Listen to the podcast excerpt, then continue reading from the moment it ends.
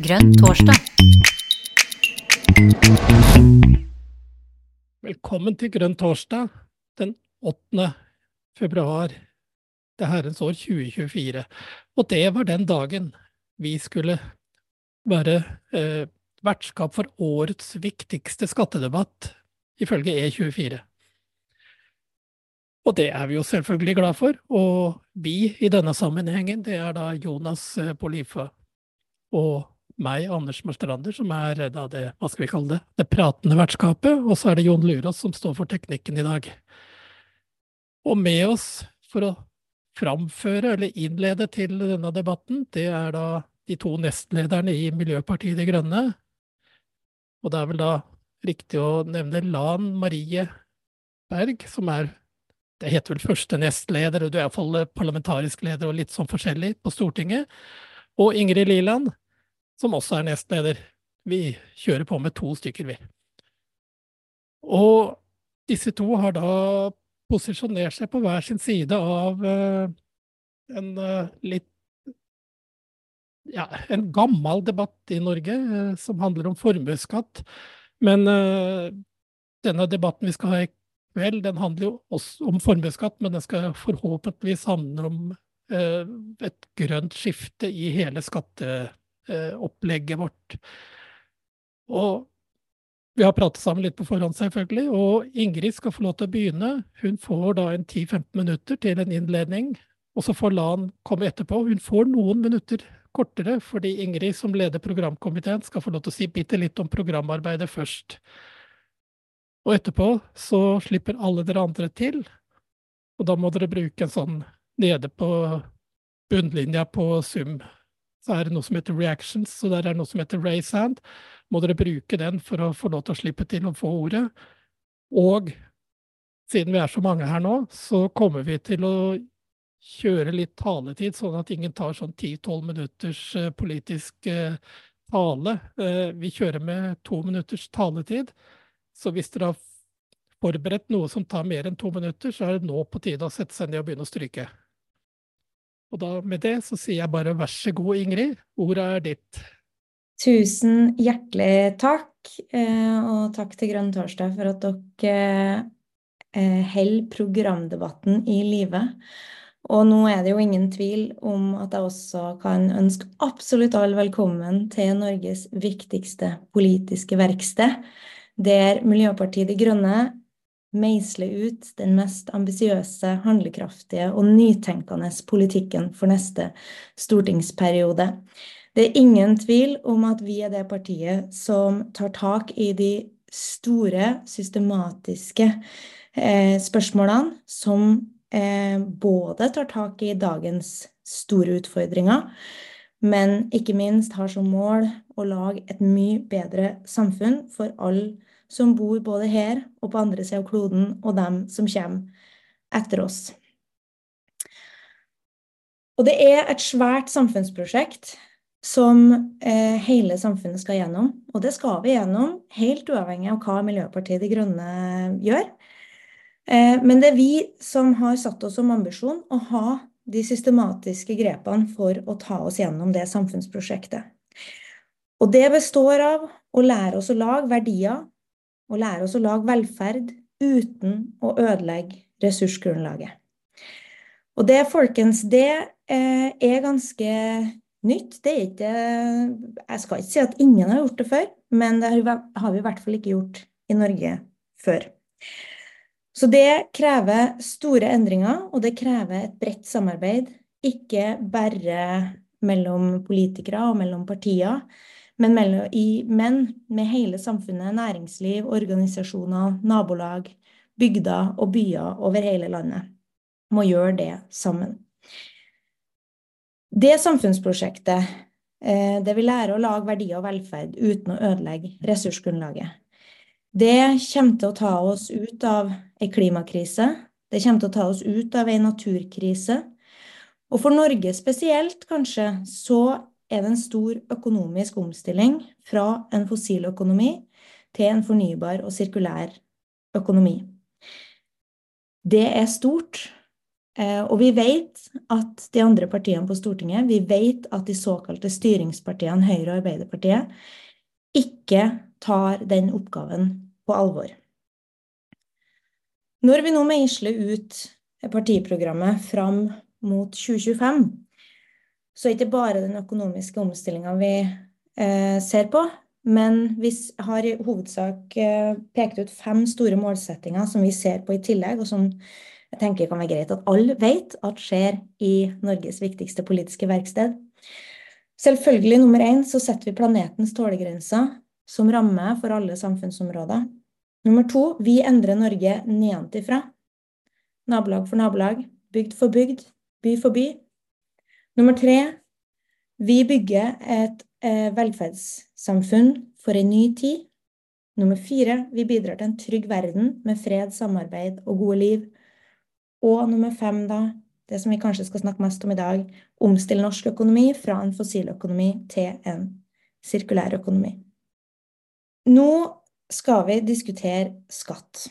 Og jeg tror egentlig at uansett hvem av de fem målsettingene du ser på, og skattedebatten er et godt eksempel, så er det mer og mer åpenbart at den eh, sementerte, tradisjonelle høyre-venstre-aksen i norsk politikk er utdatert.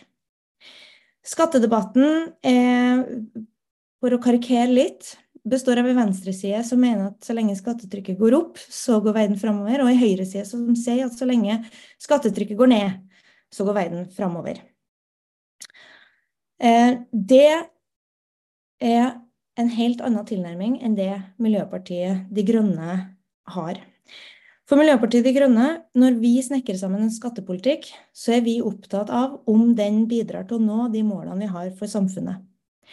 Klarer vi å, med det skattesystemet vi lager, å få ned ressursforbruket og forurensninga? Klarer vi å omstille hele økonomien ut av oljeavhengighet og en gammeldags lineær økonomi? Klarer vi å fordele ressursene og skape en velferdsstat som kan leve i mange år? Det er de målene vi setter. Og da handler det ikke om det totale skattetrykket går opp eller ned i seg sjøl, det handler om innretninga på de skattene og hvordan de er satt sammen. Vedum var ute i går og, og, var ganske klar og tydelig på hva han mente om det temaet vi eh, skal diskutere i dag. Og jeg synes at uavhengig av hva vi ender opp med å mene om formuesskatten, så synes jeg det er ganske rart av en finansminister å så klart og tydelig bare avlyse en skattedebatt, mens på hans vakt har det vært helt åpenbart at skattesystemet ikke funker. Ulikheten øker også på Trygve Slagsvold Vedum sin vakt. Det er ikke noe fart i omstillinga i næringslivet, og vi har lav omstillingsevne. Og vi er ikke noe nærmere å løse verken klima- og naturkrisa. Og det er forskjellen på oss og de andre partiene på Stortinget. Det er derfor verken Høyre eller Fremskrittspartiet klarer å gjøre virkelig systematiske endringer, for de er ikke villige til å se på helheten. De diskuterer enkeltskatter, der vi diskuterer hele systemet. Det er bare med Miljøpartiet De Grønne det blir andre boller i norsk politikk, og det skal vi sørge for også i skattepolitikken. Um, så i dag, vi trenger ikke å bli enige nå, dette er starten på en lang debatt. Og så håper jeg at absolutt alle går ut herifra og prater med folk utenfor Miljøpartiet De Grønne, utenfor partiet, utenfor politikken, om hvordan vi skal snekre sammen den grønneste politikken som vi skal ha og gå til valg på og gjennomføre neste stortingsperiode. Forslaget mitt om formuesskatt handler om å erstatte dagens formuesskatt, sånn som den fungerer i dag, med eh, annen bedriftsbeskatning som har mindre skader på eh, norsk verdiskaping, norsk innovasjon og norsk utvikling, men er mer målretta i å få tak i skadelige, det skadelige overforbruket som eh, spesielt de med mest har, og som kan finansiere velferd på lang tid. Det er på ingen måte sånn som Vedum påstår, at den eneste måten å erstatte formuesskatten på, er å dytte byrden over på folk flest. Nei, Vedum, du tenker for smått. Selvfølgelig er det mulig. Framtidens næringsstruktur den er mangfoldig. Den består av mange små og mellomstore bedrifter, akkurat som i dag. Noen av dem gjør ting kanskje på en litt annen måte enn i dag. Mange av dem er også helt ny om 20 år. Vi vet ikke hvem de er. Vi har en rasende utvikling på både digitalisering og kunstig intelligens som kommer til å skje parallelt med at vi skal omstille økonomien vår. Det krever også nytenking i skattepolitikken. I dag er det spesielt to grupper med selskaper som sliter under dagens formuesskatt. Det ene er eh, ryggraden i norsk økonomi, små og mellomstore bedrifter over hele landet. Det kan være håndverksbedrifter, hjørnesteinsbedrifter, industribedrifter. Det kan også være høyteknologiske bedrifter, enten som driver med innovasjon i en vekstfase, eh, eller som leverer viktige tjenester til lokalsamfunn og næringslivet rundt seg. Eh, det er de to gruppene som i dag rammes urettferdig av formuesskatten sånn som den er innrettet i dag. Små og mellomstore bedrifter over hele landet og, eh, og nye selskaper i en vekstfase. Felles for dem er at de ikke har den superprofitten som store eh, bransjer, næringer, selskaper i Norge i dag har, som f.eks. olje og oppdrett. Felles for dem er også at eh, de som regel ikke er utenlandsk eid, i hvert fall ikke små og mellomstore bedrifter er utenlandsk eid. Det er også i motsetning til de store, rike selskapene som er utenlandsk eid. Og det er ikke en selvfølge at de går med overskudd hvert år, sjøl om de leverer viktige tjenester, varer og teknologi til omgivelsene sine. Hvis vi tar eh, eh, først små og mellomstore bedrifter over hele landet, så har jeg bare lyst til å gjøre en sammenligning. Og det er hvis du f.eks. er Ikea i dag, så er det sånn at eh, Ikea ikke betaler formuesskatt fordi de er utenlandsk eid, mens en norsk, et norsk møbelsnekkeri som har norske eiere, de betaler formuesskatt.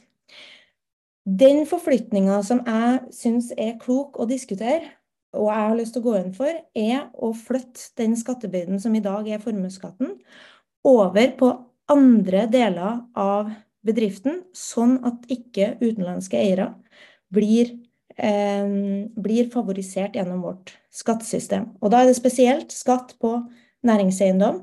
Vi vet at f.eks. IKEA eh, beslaglegger svære arealer i vår natur eller matjord. Og det kan være økt selskapsskatt, og det bør være økt selskapsskatt. Eh, og det kan også være en utvida grunnrenteskatt på de næringene der det er aktuelt. Det vesentlige da er at alle selskapene, alle bedrifter, alle som tjener og skaper verdier her i landet, vil fortsatt måtte skatte. Men man gjør det ikke på teoretiske penger, men på ekte penger som finnes i bedriften. Og vi får de utenlandske eierne, som er flere og flere, til å også bidra til fellesskapet. I tillegg så vil jo en sånn forflytning av Eh, skattetrykket, skjerm de gründerne i vekstfasen som skal skape de arbeidsplassene vi skal ha om 20 og 30 år. Eh, de som i dag ikke har råd til å betale formuesskatt, for de tjener faktisk ikke penger, og som derfor har en mye lavere forutsetning for å lykkes enn deres konkurrenter i andre land. Så det går an å bruke også formuesskattdebatten til å eh, lete fram både økonomer og rapporter og, eh, som sier det ene og det andre. Og det skal vi gjøre i løpet av våren. Vi kommer til å bruke masse tid på faglig underlag, og det har vi allerede gjort, vi i programkomiteen som jobber med skatte- og avgiftssystem. Um, og der vil jeg jo bare minne om uh, at det er ikke noe faglig uh, åpenbar konsensus på hvilke skatter som er bra og dårlig. Det er fordi at skattepolitikk handler om nettopp politikk. Eh, det finnes gode grunner eh, for å både ha og ikke ha alle skatter. Vår oppgave er å sette sammen et helt grønt skattesystem som hever blikket over skyttergravene på høyre og venstre side, og som får Norge gjennom omstillinga. Sjøl om formuesskatten i dag heter formuesskatt, så er ikke bare formuende den skatter. For å treffe de formuende bedre, så foreslår eh, jeg at vi flytter trykket over på arv og dyre boliger, Dyre boliger kan heller ikke flyttes til Sveits. Og dyre boliger er det også utenlandske som kan kjøpe, og de burde skatte av det. Um, og for å dekke inn velferden og passe på at vi har langvarig inntekt. Økt selskapsskatt, utvida grunnrentebeskatning og skatt på næringseiendom. Vi er et parti som alltid har vært villig, også i våre alternative statsbudsjett, til å gjøre store endringer på skattesystemet. Eh, vi har allerede vært opptatt av å flytte skattetrykket over på ressursforbruk og forurensning, og vi flytter mange, mange milliarder hvert eneste år når vi leverer alternativt statsbudsjett. Det er den type store endringer som trengs for å omstille Norge. Og så vil jeg bare avslutte med å si Uansett hvor vi lander på formuesskatten, så vet både Høyre og Arbeiderpartiet at uh, hvis vi skal samarbeide med dem om et regjeringsprosjekt, om et statsbudsjett, så kommer det til å kreve langt større endring av norsk politikk enn én en enkelt skatt. Vi har alltid vært mer ambisiøse enn de såkalte styringspartiene. Og fram mot valget i 2025 så kommer vi til å ta skattepolitikken enda et steg lenger. Takk for meg. Tusen takk eh, skal du ha, Ingrid. Da går vi videre, og da er det Lan Marie som skal få eh, ordet. Vær så god. Hei, alle sammen. Og det er veldig hyggelig eh, å se eh, så mange av dere her i dag og at dere har lyst til å være med på å diskutere noen av de spennende spørsmålene i vår tid med oss i Miljøpartiet De Grønne. Vi, er, vi som er i Miljøpartiet De Grønne, vi har jo et felles verdigrunnlag som vi i stor grad deler, og som vi baserer beslutningene våre på uansett hvor i landet vi er. Og det betyr at vi tenker globalt, vi handler lokalt, vi viser solidaritet med mennesker både innenfor og utenfor um, landegrensene våre, med framtidens generasjoner og med dyr og natur. Og det er slik vi vil skape da et medmenneskelig samfunn i økologisk balanse, slik det står så fint i prinsipprogrammet vårt. Og vi i Miljøpartiet De Grønne vi blir jo ofte anklaget for å være et såkalt ensaksparti, eh, fordi vi sier at naturens tålegrenser skal være rammen for all politikk, og at vi derfor setter klima og natur først.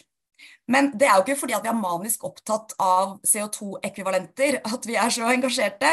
Selve grunnen til at vi setter klima og natur først, er jo fordi vi ønsker å bevare en god verden å bo i for oss i dag og for framtidens generasjoner. Så hvis vi skulle vært et ensaksparti, så, hadde, så tror jeg at den saken hadde vært solidaritet. Og Tiden det, som vi lever i, det krever at vi tenker nytt om hva det vil si å skape bærekraftig politikk som kan stå seg over tid, og som sikrer nettopp det, solidaritet for alle og for alltid. Og det er bare når vi lager politikk som setter naturens tålegrense som ramme, at vi kan skape disse helhetlige løsningene. Og nå står jo vi i en tid med veldig mange utfordringer. Det har vært mange kriser, pandemi, økte strømpriser, nå krig i Europa, men også andre steder i verden. Og utfordringen som vi som politikere har da, det er at de kortsiktige løsningene som vi skaper for å løse de for å løse de krisene som vi står i dag. De må også være med på å løse de langsiktige løsningene. For over oss så henger jo klima- og naturkrisen. Og eh, hvis ikke vi klarer å også løse den samtidig, og veldig snart, så vil vi fortsette å stå i en sånn kontinuerlig krisesituasjon. Men det har jo Arbeiderpartiet og Høyre gang på gang vist at de ikke klarer. Som f.eks. under pandemien, da deres svar på pandemien var å introdusere en kjempestor oljeskattepakke som vi fortsatt sliter med ettervirkningene av, istedenfor å gjøre det som EU gjorde. Og uh, f.eks. satse mer på fornybar energi og de løsningene vi trenger for framtida. Og under strømpriskrisen så, eh, brukte, så, innførte Arbeiderpartiet da en ny strømstøtte som gir mest penger til de som bruker mest strøm. Og dermed gir det mindre insentiv til energisparing. Men isteden så burde de jo innført eh, selvfølgelig vår strømbonus, som eh, gir like mye til alle, og som anbefales bl.a. av Energikommisjonen. Fordi den både er mest omfordelende, men også fordi den motiverer til energisparing.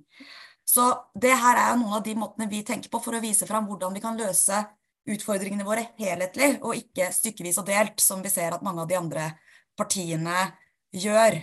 Så til helheten. Og da i denne sammenheng i skattepolitikken. altså Jeg er helt enig i at det er viktig å se på helheten i skattepolitikken. Den må bidra til å sikre omfordeling, samtidig som det bidrar til å stimulere til utvikling av ny og eksisterende næringsvirksomhet. Samtidig så er det også viktig å se på helheten i finanspolitikken, og grunnen til at vi faktisk har skatter, er at vi har behov for å finansiere velferdssamfunnet, som vi alle er opptatt av. Og der har jo vi også mange ting vi ønsker å finansiere, som vi gjør i tillegg til regjeringen.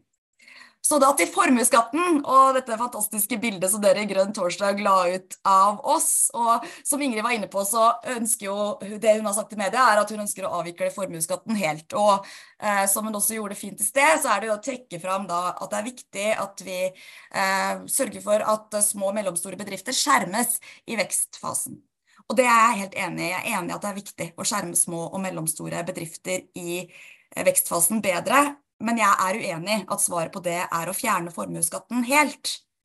I stedet for å fjerne formuesskatten helt, så mener jeg at vi kan skjerme små og mellomstore bedrifter ved å øke bunnfradraget mye mer enn det det er i dag. Og det kommer jeg tilbake igjen til. Men hele grunnen til at vi har formuesskatt, det er for at de som har aller mest, også skal bidra relativt sett mer Nei, eller i hvert fall like mye, minst, for det gjør de jo ikke i dag. Eh, men at de skal bidra mer til velferdssamfunnet vårt og til fellesskapet. Um, og i en verden og i et land der også forskjellene uh, øker, hvor vi får flere superrike, men også flere som har vansker med å få endene til å møtes med å få nok mat og strøm, så mener jeg at det er viktigere enn noensinne. Og det har vært flere forsøk på å finne løsninger på å fjerne formuesskatten og samtidig sikre at vi klarer å skattlegge de med høyest formue, men ingen har funnet det ennå, ikke engang Høyre, da de satt i regjeringen. Eh, så min påstand er at formuesskatten faktisk er ganske treffsikker på å dra inn skatter fra de aller rikeste i eh, Norge. Um, og å fjerne formuesskatten helt vil jeg si at blir som å skyte spurv med kanoner, hvis målet er å skjerme de små og mellomstore bedriftene. Provenyet, altså statens samlede inntekter fra formuesskatten, er i dag på 34 milliarder kroner. 13 milliarder av dette betales av de 0,1% rikeste i Norge. Den 1% rikeste i Norge betaler 22 milliarder av formuesskatten i dag. Det tilsvarer hele regjeringens klima- og miljøbudsjett. Over 90% av provenyet til formuesskatten betales av de 10% rikeste, og de 20% rikeste blant oss betaler nesten 98% av skatten. De vi nå i hvert fall snakker om å finne en løsning for, det er gründerne, de små og mellomstore bedriftene som kanskje sitter med store verdier i eiendom eller produksjonsutstyr, uten at inntjening, inntjeningen deres helt har klart å henge med. Men jeg mener at vi ikke kan avvikle hele formuesskatten for å hjelpe denne gruppen. For jeg tror ikke at det er de som i størst grad betaler inn til formuesskatten. Vi må heller se på hvordan vi kan innrette skatten annerledes, slik at denne gruppen får løst noen av problemene sine. Så spørsmålet er, hvis vi skal skjerme små og mellomstore bedrifter i vekstfasen, er det å, skjerme, er det å fjerne formuesskatten helt de mest, de mest treffsikre? Og hvor mye betales egentlig da av de små og mellomstore bedriftene til formuesskatten? Og der ser vi jo bl.a. at 50% av de som betaler formuesskatt i dag, de betaler rundt 10 000 av 10 000 kroner i gjennomsnittlig formuesskatt.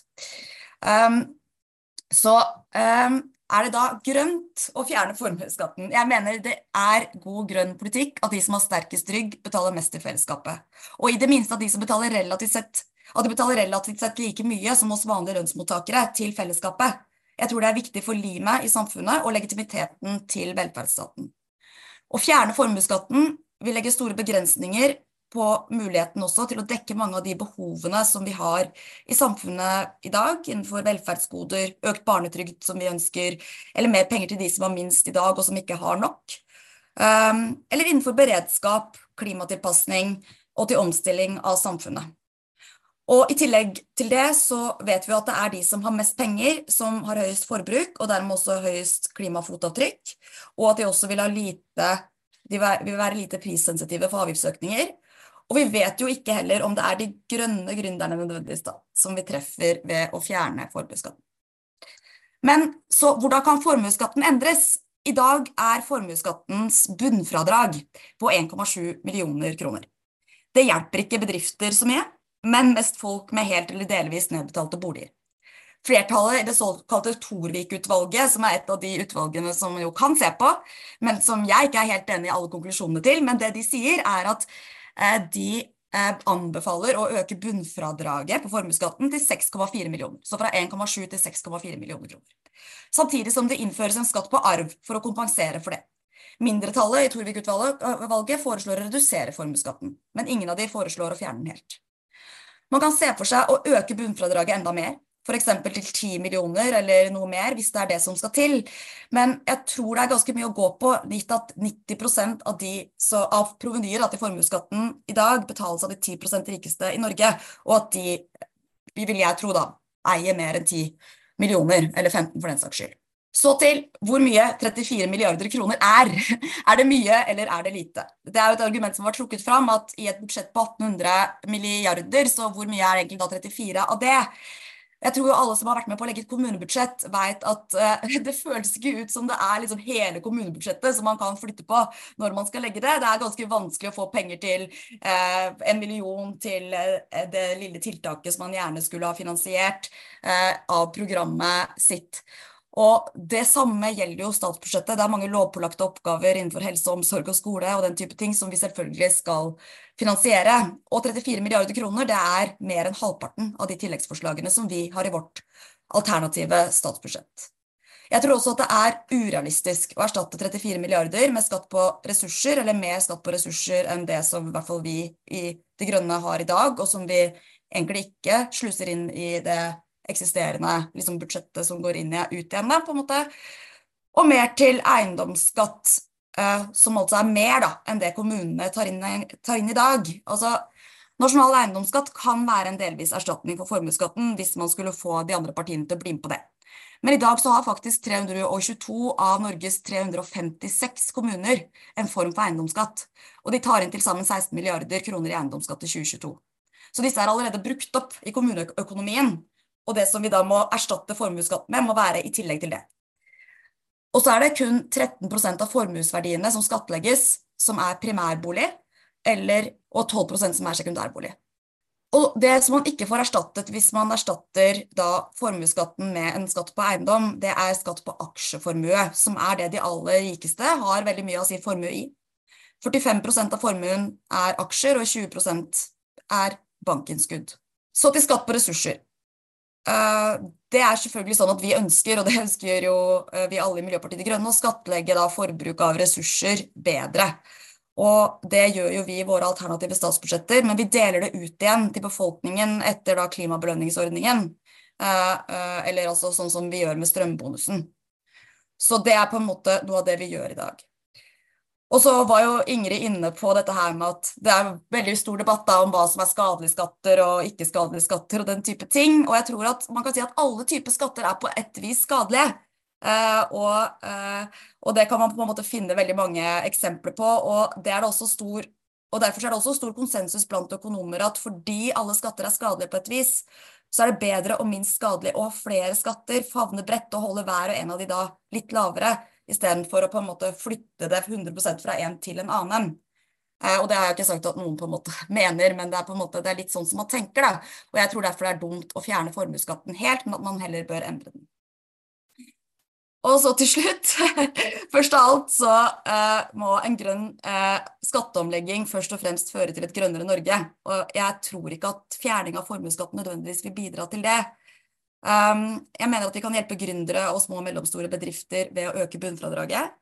Uh, men at vi også bør gjøre den mer progressiv, slik at de større og mer formuende faktisk betaler en større andel i skatt. Og så kan vi jo diskutere på en måte hvordan vi skal øke grunnrenteskatten, og om vi skal gjøre det på fornybar energi nå, i en fase hvor vi trenger mer av det, eller om selskapsskatten er mer eller mindre skadelig enn formuesskatten. Eh, det er det også på en måte uenighet om. Eh, og så må vi selvfølgelig helt klart øke miljøavgiftene også, men jeg mener ikke at det bør brukes til å kutte i formuesskatten, men heller kunne deles ut igjen bl.a. gjennom klimabelønningen.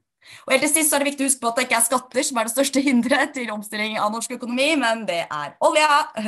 Det er olja som tiltrekker seg all kapital og hoder som et stort hull, og i tillegg til at den også legger beslag på store deler av den fornybare kraften og gjør at vi egentlig styrer mot et kraftunderskudd i dag. Eh, og det er jo vi i De Grønne stort sett veldig enige om. Eh, jeg vet at Ingrid er helt enig om det, men eh, det er i hvert fall noe av de rammene som, vil, som vil kunne hjelpe oss da, å også omstille samfunnet.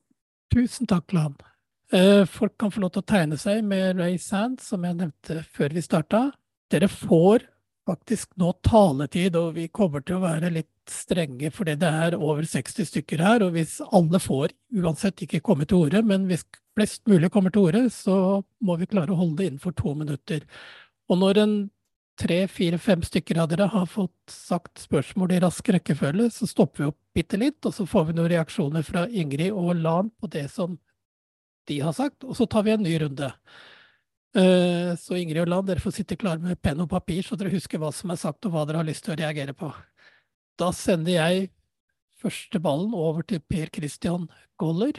Og hvis du husker på å få på mikrofon og bilde og alt sånt, jo, vær så god. Ja, Tusen takk. Ser du meg? Ja, det ser meg. Kjempeflott. Jeg synes Det er et eh, premiss som mangler i den eh, diskusjonen om formuesskatt som er veldig interessant, eh, uavhengig av politisk ståsted. Og det er at man i, i Tyskland, på oppdrag for Næringsdepartementet, eh, var det noe som het IFO-instituttet, som regner, gjorde beregning av summen av virkning av formuesskatt på Tysklands økonomi, og kom frem til at den var svært, svært skadelig. Det kostet Tyskland som land mer enn dobbelt så mye, og kanskje tre ganger så mye som de ville få inn. Og det ville gå utover bruttonasjonalprodukt, og, og Tyskland ville vokse saktere fremover. Eh, I Frankrike så, engasjerte Næringsdepartementet der en økonomiprofessor som heter Erik Pichet, som også konkluderte med det samme, at det var svært skadelig for fransk økonomi. Og ikke bare for de som betaler formuesskatt, det var skadelig fordi det gikk utover arbeidsplasser. Det ble mindre investeringer, mindre aktivitet. Eh, og det kostet Frankrike mer enn dobbelt så mye som de fikk inn. Og det samme gjorde de i Sverige. Så han, eh, Alfred Bjørlo spurte i spørretimen Vedum burde vi ikke være interessert i å gjøre en slik beregning i Norge også eh, som beslutningsgrunnlag uavhengig av politisk ståsted. Og da mener jeg at eh, hvis Finansdepartementet gir noen med noen Economics eller noe sånt i oppdrag å gjøre en sånn beregning i Norge, så kan fortsatt Rødt mene at, at det er bedre at vi skader Norge enn at noen blir veldig rike. Det, men det skal helst være basert på et faktagrunnlag, da, ikke bare hva man, at man ikke liker eh, Stein Erik Røkke eller Kjell Inge Røkke. Så jeg skulle veldig gjerne sett at det var basert på fakta, og ikke bare ikke synsing akkurat eh, det der. Og så er det en annen ting som har slått meg i samtaler med mange forskjellige politikere, er at det er veldig få som har sett noe særlig på hva man gjør i andre land. Eh, og hvis man ser på altså Vestre vil at Norge skal bli verdens beste land å starte ny bedrift. det er en nettside som heter Startup Genome, jeg kan prøve å legge det i chatten etterpå, som brukes av organisasjoner over hele verden for å sammenligne økosystemer. og Der ser man at i Stockholm så er Stockholm rangeres som nummer tre i verden på klimateknologi. Bare i 2021 så ble det investert over 22 milliarder private kroner i klimatek-startups i Stockholm. jeg føler ikke at det er noen i den norske debatten som ser på hva man gjør i de landene, selv Sverige, når de lykkes med dette. Dette er jo den grønne omstillingen som skal undergrave norsk olje.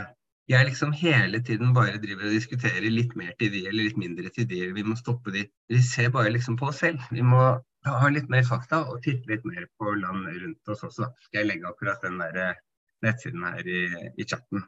Mange takk skal du ha, Per Kristian. Da er det Katrine Kjølsen som er neste her. Vær så god takk til Ingrid for at dere tar opp en sånn helhetlig debatt og løfter for å ta hele diskusjonen. Kjempekult. Uh, utrolig gode og spennende resonnementer fra dere begge. Uh, jeg har to spørsmål uh, til deg, La. Det første spørsmålet er Vi hørte ganske mye fra Ingrid om utenlandsk eierskap, og lite i ditt innlegg om det. Så hva tenker du rundt det? Hvordan beholder vi norsk eierskap? Er det noe vi skal være bekymret for? Spørsmål to går på dette med gründerbedrifter.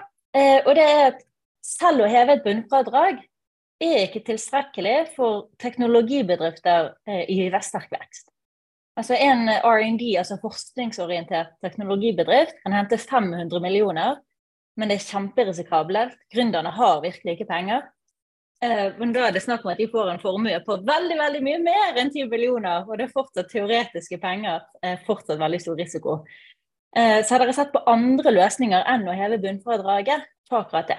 Det var mine to spørsmål. Takk skal du ha, Katrine. Da skal vi ta eh, Hanne Færhagen og Jens før vi, går, eh, før vi gir ordet til eh, og Ingrid, som skal få lov til å kommentere litt. Så da skal Hanne få ordet først. Vær så god. Hei, takk. Um, jo, um, litt sånn generelt om skatt. da. Jeg, jeg er ikke noe økonomiutdanna, så jeg har ikke noe veldig god greie på ting. Men jeg er veldig sånn tilhenger av å forenkle ting. Men det fins kanskje noen bøker, internasjonale bøker som har tatt for seg andre systemer. For eksempel, det hadde vært veldig fint om vi slapp eh, merverdiavgift, f.eks. For, for å, for å ja, slippe alt det byråkratiet. Men det er klart at der tar man jo virkelig inn der er det ingen som kan lure seg unna da, når de skal kjøpe melk eller champagne. Eh, men eh, er det noen av dere andre som kan mye om skattesystemer? Om det må jo kunne finnes noe som er bedre enn det vi har? Ja, det var bare det. Takk. Takk skal du ha, Hanne. Vær så god, Jens. Takk til Ingrid for oversikten, og tusen takk til LAN for faktagrunnlaget. Når vi ser på det, så er jo formuesskatten en bitte liten skatt. Det er 2 av totale inntekter. 98 går utenfor. Så formuesskatten er veldig viktig symbolsk. Den er uvesentlig eh, finansielt. Og det ser vi jo på utviklingen av store formuene i Norge. De vokser som ville pokker, og det er helt åpenbart dette ikke virker utjevnende. Til en viss grad er jo det fordi at formuesskatten er frivillig. Du kan jo velge. Du kan enten selv flytte ut, eller du kan la barna flytte ut.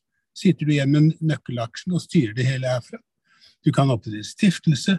Du kan investere i rare ting.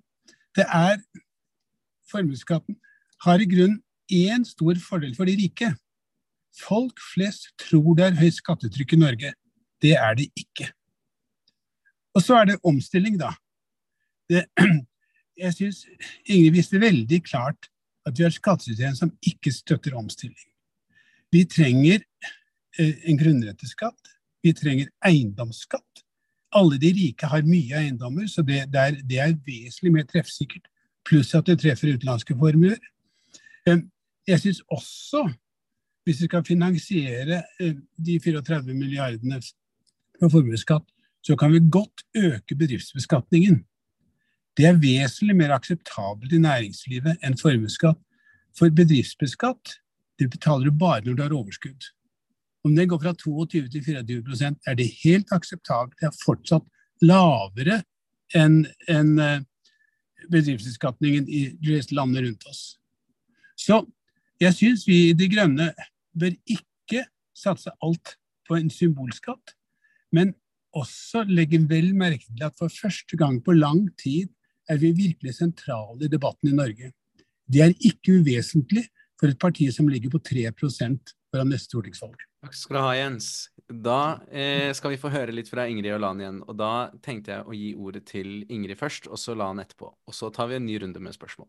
Vær så god, Ingrid. Um, jo, takk. Uh, mange, mange, gode innspill. Uh, så er det kanskje tre sånn korte betraktninger jeg har lyst til å gjøre. Og det ene er jo nettopp det at det, det er viktig å være klar over at det finnes på en måte ikke etablert forskning på enkeltskatt som formuesskatt, rett og slett for at det er så få land som har det. Men det finnes bl.a. en eh, sånn OECD-rapport om wealth tax eh, som det går an å se på, men den er også eh, ganske overordna. Sånn, solid forskning finnes ikke på formuesskatten isolert. Så, og Det er jo derfor jeg, jeg syns det er flott at vi, vi må bruke den kunnskapen vi har, og da har vi den både fra de få studiene som er gjort. Vi har dem fra økonomer som uttaler seg, og der finner du økonomer som både vektlegger de negative og positive sidene for formuesskatten. Eh, og ikke minst det som eh, hele partiet nå er i gang med, så er det å snakke med, eh, med dem som har eh, skoa på, for å finne ut hvordan det slår ut. Eh, det er to hovedgrunner til at jeg er eh, Jeg tror at bunnfradrag er feil vei å gå, sjøl om det vil løse noen utfordringer. Det ene er at også med et bunnfradrag på ti 10 millioner, så kan provenytapet være bort mot 10-11 milliarder. Um, uten at du oppnår de positive effektene for små og mellomstore bedrifter. Uh, og i tillegg så uh, mener jeg at vi bør ha en helhetlig politikk for det som ikke er aksjeverdier, det er i all hovedsak eiendom, bolig og hytter eh, i formuesskatt. Og det skatter du ikke av hvis du f.eks. har gjeld eh, innunder formuesskatten, og utlendinger betaler den ikke. Og da eh, er jeg opptatt av at vi faktisk får fjerna hele eh, beskatninga på, på, aksjeverdier, og at eh, vi får kalt boligbeskatninga det det er, som er en eiendomsskatt, og faktisk skatta det enten det er utlendinger eller nordmenn som gjør det. Og den forflytninga, den helhetlige forflytninga fra noe til noe annet som jeg mener er grønnere, og som er mer treffsikkert på eh, de rikes forbruk, og ikke lar seg eh, flytte ut av landet, det tror jeg er mye viktigere enn å drive og justere på den skatten vi har.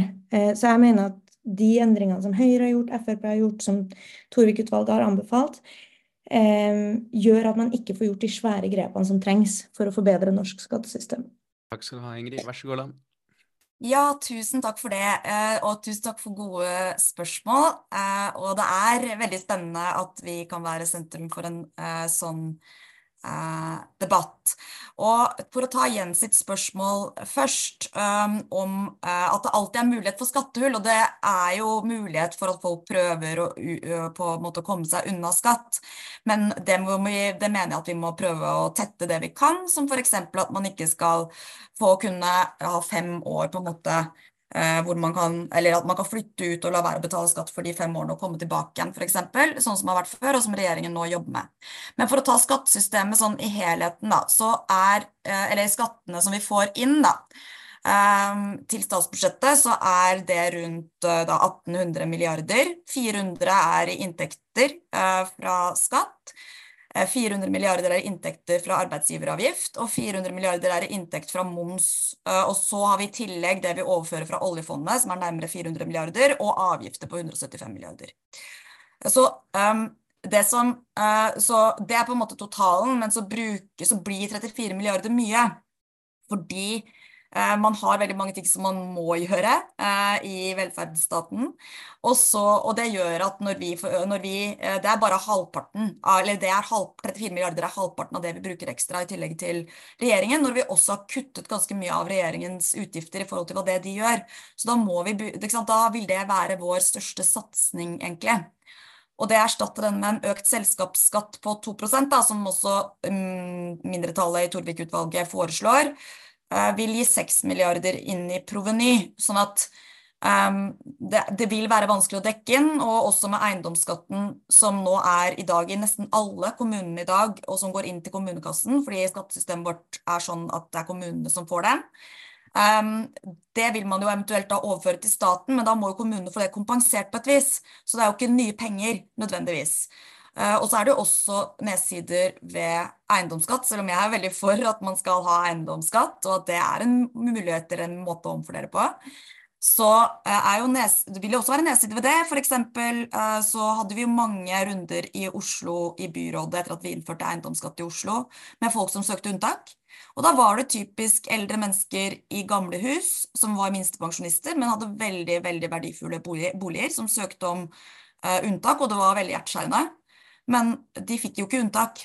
Og det er jo fordi at de satt på store verdier, eh, og så måtte de finne andre måter på en måte å, eh, å løse det på, da, f.eks. med å ta opp lån som veldig mange eldre ikke ønsker, da, eh, men som man på en måte kan på sine gamle dager. Så det er, sånn, det er jo ulemper med mange ting. Så til Per Christian. Det har vært, som sagt, da, da Høyre satt i regjering og hadde gått til valg på å fjerne formuesskatten, så satte de også ut flere oppdrag for å bevise at redusert formuesskatt ga større investeringer og derfor også flere arbeidsplasser. Men de fant ikke empirisk bevis for det. Og Scheel-utvalget, som var skatteutvalget før det siste skatteutvalget, altså Torvik-utvalget, viser det samme, at det ikke var noen empiriske studier som viste dette. Uh, Torvik-utvalget viser også uh, det samme. Og det er kun McKinsey, som var et av de som tok oppdragene, av de mange oppdragene til Erna Solberg, som eh, kunne vise en sånn sammenheng. Men da kan man jo spørre seg hvorfor de fant det, men ikke alle de andre, da. Um, så der er det faktisk en del forskning i Norge. Eh, til Katrine og spørsmålet om utenlandsk eiendomsskatt, så det er jo også eh, formuebeskatning også andre steder. Så utenlandske eiere slipper ikke skatt i hjemlandet. Og så må man jo på en måte uh, se på forholdet og hvordan det er med Men, men vi har jo hatt uh, vi har, så, det er på en måte, det er ikke sånn at uh, de vil slippe skatt i hjemlandet sitt nødvendigvis. Da. Og Norge er under gjennomsnittet i OECD. Um, så sånn er det. Til gründerbedrifter og sånn type bedrifter som da kanskje er blant de, uh, gjør at de som eier dem, da, er blant de 20% rikeste i Norge som betaler 98 av formuesskatten, uh, så er det jo sånn at de som eier disse selskapene, og dermed da får formuesskatt, de har jo også noen muligheter uh, til å løse det, da.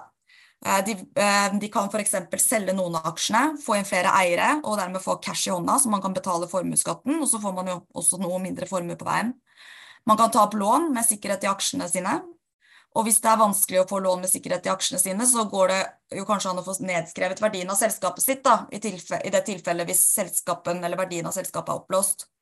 Eller man kan jo eventuelt selge noen av disse aksjene da, som har veldig stor verdi, og få noen av de pengene. Så jeg antar jo at dette er ting som du kanskje, Det kan jo hende at du er uenig, eh, men, eh, men det er i hvert fall noen muligheter som man har. Da. Det er jo ikke helt låst. Tusen takk til dere begge, både Ingrid og Lan. Nå er det sånn at vi har sju hender i været, og jeg eh, har nå tenkt å ta en intern nedtelling i mitt hode på 20 sekunder. De som har lyst til å si noe, får da de 20 sekundene til å tegne seg. Og de sju som er oppe nå, og eventuelt andre, de må være veldig, veldig veldig kjappe. Teknisk sett så har vi ni minutter igjen, men eh, vi har hatt et eh, redaksjonsmøte mens dere har snakket, og blitt enige om at vi går ti minutter på overtid. Vær så god, Katrine Palm Spange. Takk skal du ha. Eh, først og fremst, eh, jeg er veldig glad i å være med i et parti som tar en åpen debatt om et vanskelig problem. Og jeg skulle virkelig ønske jeg hadde hele fasitsvaret, men det har jeg ikke. Men, men det Lan sa om utenlandsk eierskap, eh, altså eksempelet ditt med Ikea, det er jo ganske um, framme i skoa nå med f.eks. Google, da. Som uh, setter i gang for guttene meg rundt uh, nede i Skien, de kommer jo ikke til å betale formuesskatt til Norge. Uh, og så skal man aldri bruke seg sjøl som eksempel, men jeg skal gjøre et lite forsøk. Fattern og jeg har et lite eiendomsselskap. Uh, det går ikke noe sånn spesielt bra, men vi blir formuebeskatta da fordi at eiendomsverdien er uh, ja, som om den er, men det går ikke noe så spesielt bra. Og så har vi Jeg bor i Færder. Vi har ikke eiendomsskatt, som en av de få eh, kommunene. Og her er det Her bøtta det inn en tysk eh, eh, investor som kjøpte hele Nagel-eiendommen. Eh, en svær eiendom til 56 millioner. Så, så, jeg tror at noe av det som vi sliter med med eiendomsskatt, formuesskatt altså vi, vi, må ha en slags for, forhold til eh, rettferdighet på en eller annen måte, da, ikke sant. At vi føler at dette her eh, henger på greip. Og, og, der er nok noe av det med at bl.a. at de 20% som betaler nesten mest, hvis de flytter til Sveits, så sitter vi i andre enden og tenker fader tute Nå skal ikke jeg til Sveits, altså, men, men, men, det blir jo en form for eh, debatt som vi faktisk må ta. Og det syns jeg er så gøy at vi faktisk gjør. Og det kan jo noen ganger hende at vi Istedenfor å flekke oppå et system eh, vi bygger opp på en dårlig grunnmur, da. Kanskje skal vi bare rive ned og begynne å tenke litt på nytt igjen. Litt sånn som vi har åpna debatten for nå. Og det syns jeg er superbra. Og jeg skulle ønske jeg visste svaret, men, men, men uh, vi, vi må, folk må føle en eller annen form for rettferdighet. Hvis du er en liten gründerbedrift, eller sånn som fatter'n og jeg, da, med noen trøtte eiendommer som egentlig ikke er noe særlig, men vi må liksom ta ut stadig jobbe livet av oss for å betale den formuesskatten, kontra de som slipper unna, da, Google, uten sammenligning for øvrig, så er det noe vi må ta dødsen seriøst. For det kan lage mye kokos i samfunnet vårt. Takk. Men bra debatt. Takk, Katrine. Vi tar til oss all den rosen vi kan få. Eh, Jonas Fløde er den neste. Hei, hører du meg?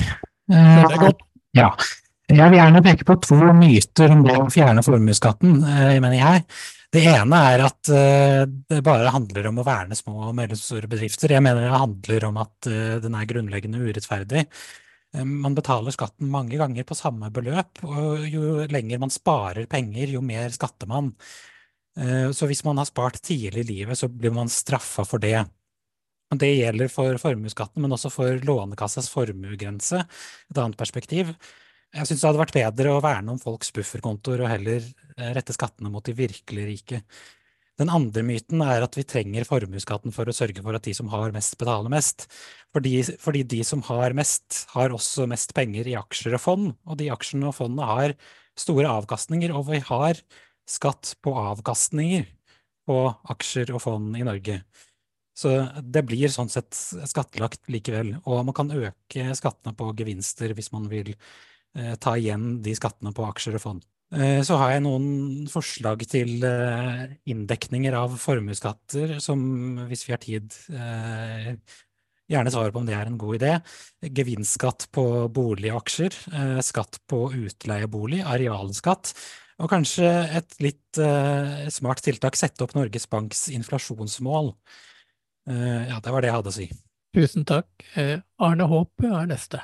Eh, kjempespennende prinsipiell debatt. Eh, jeg er jo personlig motstander av at man skal skatte på noe før man tjener noe. Jeg tenker at det er sånn prinsipielt litt galt at fordi man er verd noe, så skal man skattes. Det er jo bedre å skatte når man har tjent pengene på eventuelt salg av en bedrift eller salg av en eiendom, eller hva det måtte være. Men jeg har et litt retorisk kanskje spørsmål til eh, den eller de som er veldig for at vi skal ha formuesskatt i hvert fall veldig imot å fjerne den. og det er at De andre landene vi typisk sammenligner oss med, de nordiske landene, der er det ingen som har formuesskatt. Og så vidt jeg vet, så er vel ulikheten faktisk høyere i Norge per i dag enn i de nordiske landene. Så I Norge har vi formuesskatt, angivelig for å jevne ut forskjeller. Mens i de nordiske landene, som er relativt lik på en måte sånn sosialdemokratisk økonomisk modell som oss, Finland, Danmark og Sverige, så har man ikke formuesskatt i det hele tatt. Jeg har ikke hatt det på veldig lenge. Jeg lurer på om det er noen refleksjoner rundt det. Tusen takk, Arne. Og vi kjører på med de fire siste, vi, så satser vi på at Ingrid og, og Lan klarer å notere alt underveis. Anders Sørby, vær så god. Ja, hei. Dere hører meg? Uh, hører deg fint. Ja, ja flott. Uh, så Nå faller du ut. Ja. Du, du, får heller skrive det i chatten, det du har tenkt å spørre om, og så kjører vi okay, over til ja. Sigve Brauer. Vær så god, Sigve. Uh, ja, takk, Anders. Det var veldig fint å høre på denne debatten. Og uh, jeg kom vel bare inn med noe generelt uh, løfteblikk-betraktninger. For det er jo ingen tvil om at vi trenger sosial og økologisk transformasjon. Og, og den må gå dypere og med å være mer helhetlig forståelse det De grønne eh, skal bringe fram da, av sammenhengene mellom økonomi, samfunn og natur, miljø. Det har vi jo med FN sine òg mål. Så Det jeg savner i dette, når vi begynner å snakke om økonomi og penger, så må vi tenke, ha nye tanker. og Det gir ny forståelse. Vi kan ikke fortsette å ha samme måte å tenke på penger på som før. og Da er det f.eks. dette med holistisk vitenskapsforståelse må vi få mer fram. Vi må få fram at vi ønsker en økonomi basert på samarbeid. Og innføring av eh, sirkulære verdikjeder, det er vi jo på bunn på, så det er ganske greit. Det er fint. Og kanskje en kommuni kommunitaristisk samfunnsforståelse. Og der har Vi jo vi har jo f.eks. at økologien er overordnet økonomien. Vi er det eneste partiet som sier det at vi lar økologi gå foran f.eks. For arbeidsplasser. Det må vi bare kjøre på med og få fram. Og så er det dette med hva er penger?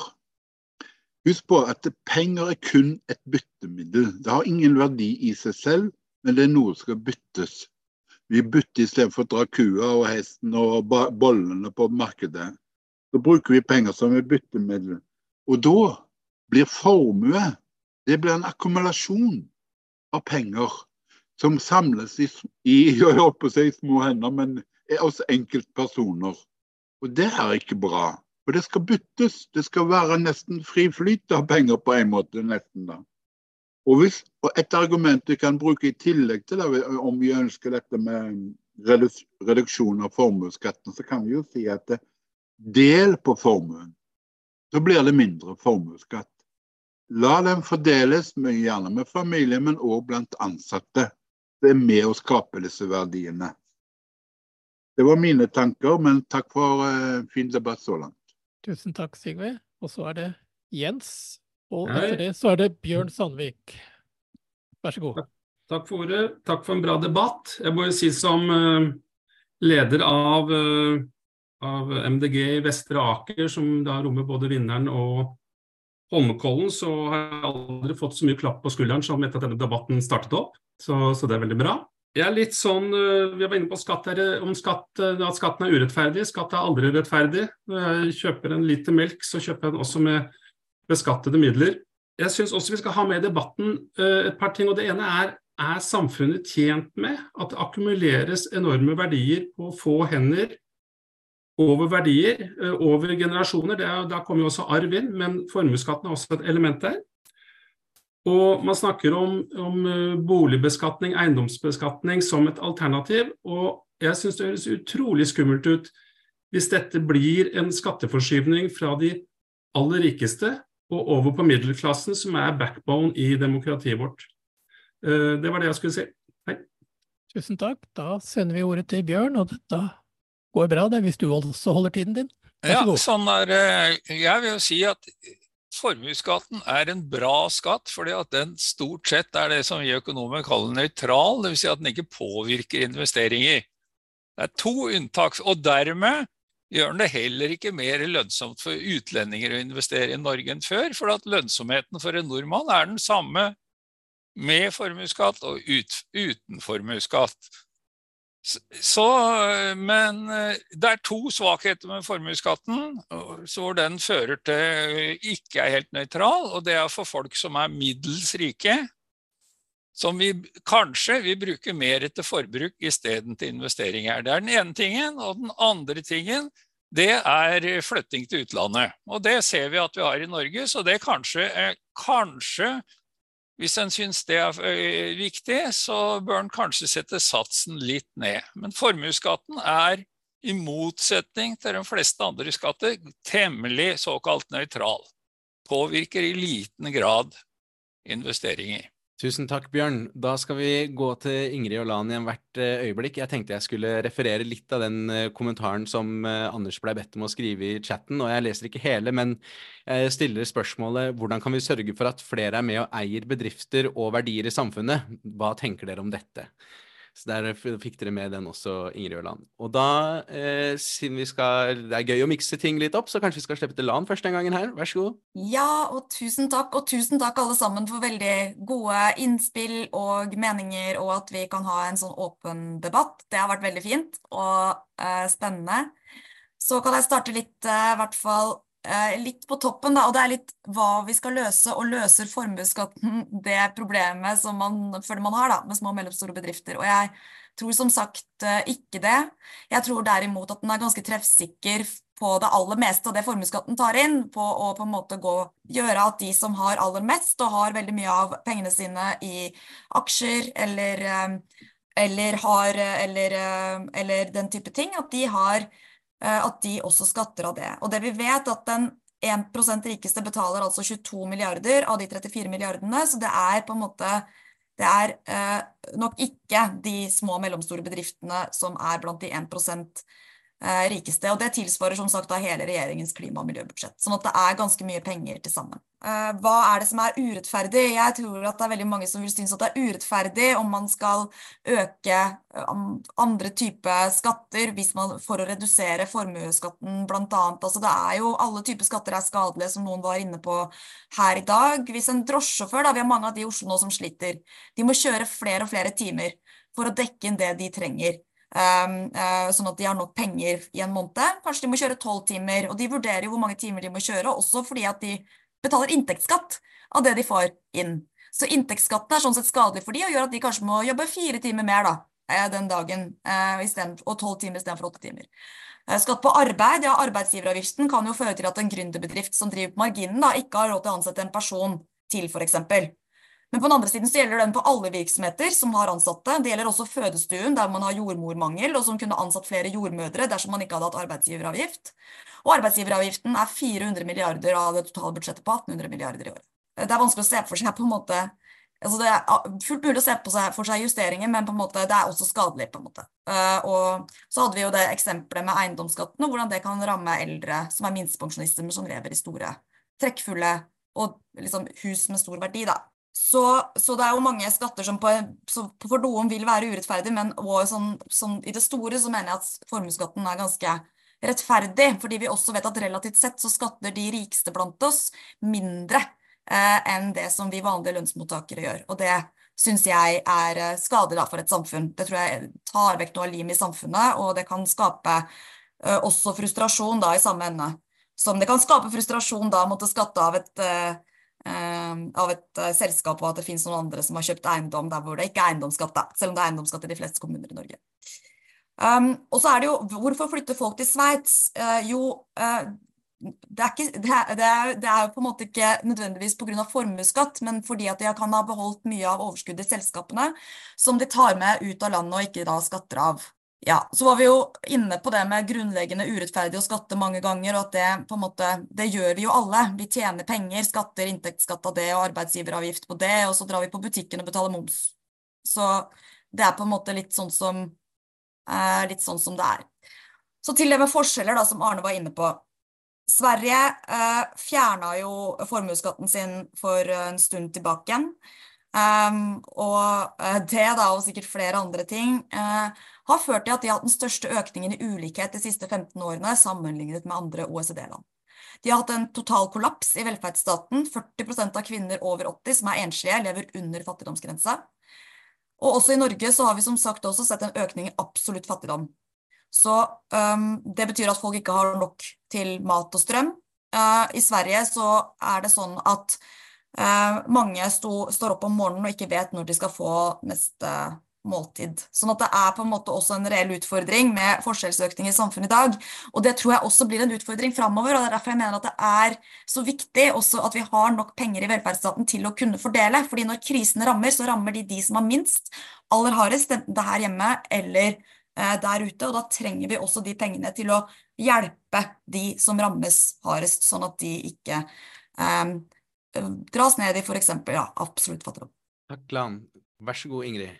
Tusen takk. Og nå har jeg notert en masse gode innspill som jeg tror vi skal få diskutert godt, uh, godt videre. Um, jeg tror at det er et, uh, en av de tingene som vi burde se på, er definitivt det som, um, uh, som Anders skrev i kommentaret, og det er hvordan desentralisere eierskap.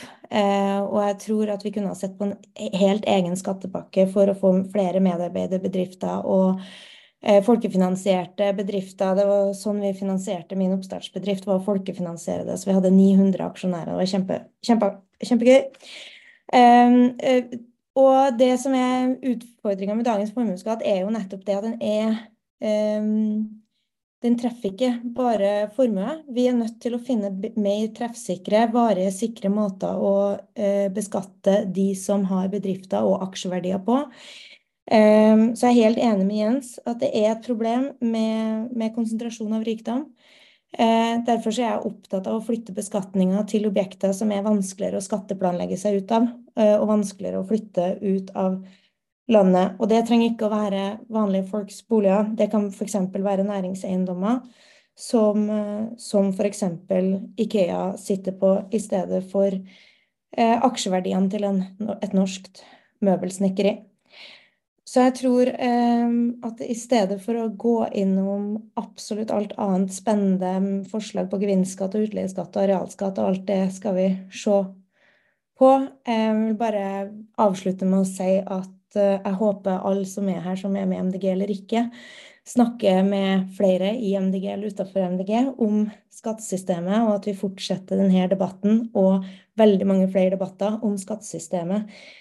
Eh, lenge, gjerne helt fram til neste stortingsvalg, og ikke minst når vi skal inn i forhandling med enten Høyre eller Arbeiderpartiet, og få dem til å gå med på en skikkelig skatteomlegging som gir en ekte utfasing av fossiløkonomien og opptrapping av omstillinga til sirkulærøkonomien. Det krever store grep, og jeg vet at vi er partiet som får til akkurat det. Jeg er klar for andre boller i norsk politikk.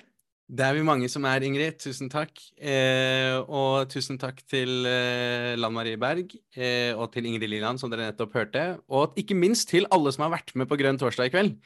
Nå skal vi runde av, eh, og eh, vi setter så ekstremt stor pris på eh, at dere kommer hit og bidrar med gode spørsmål og driver den politiske debatten framover. Det er kjempefint og en glede å få være en del av. Og så er det jo sånn at hvis det er elementer fra denne samtalen, spørsmål eller gode poenger som du har lyst til å se igjen, så fortvil ikke. Vi fins etter hvert på YouTube. Eller vi fins på YouTube allerede, men dette klippet finnes også på YouTube etter hvert, og på din favorittpodkastavspiller. Og Grønn torsdag kommer tilbake snart, vi. Allerede om ei uke så er det ny en. Eh, og skal ikke se bort fra at det blir flere programdiskusjoner i eh, månedene som kommer. Så heng på, og tusen takk for i kveld. Tusen takk, alle sammen.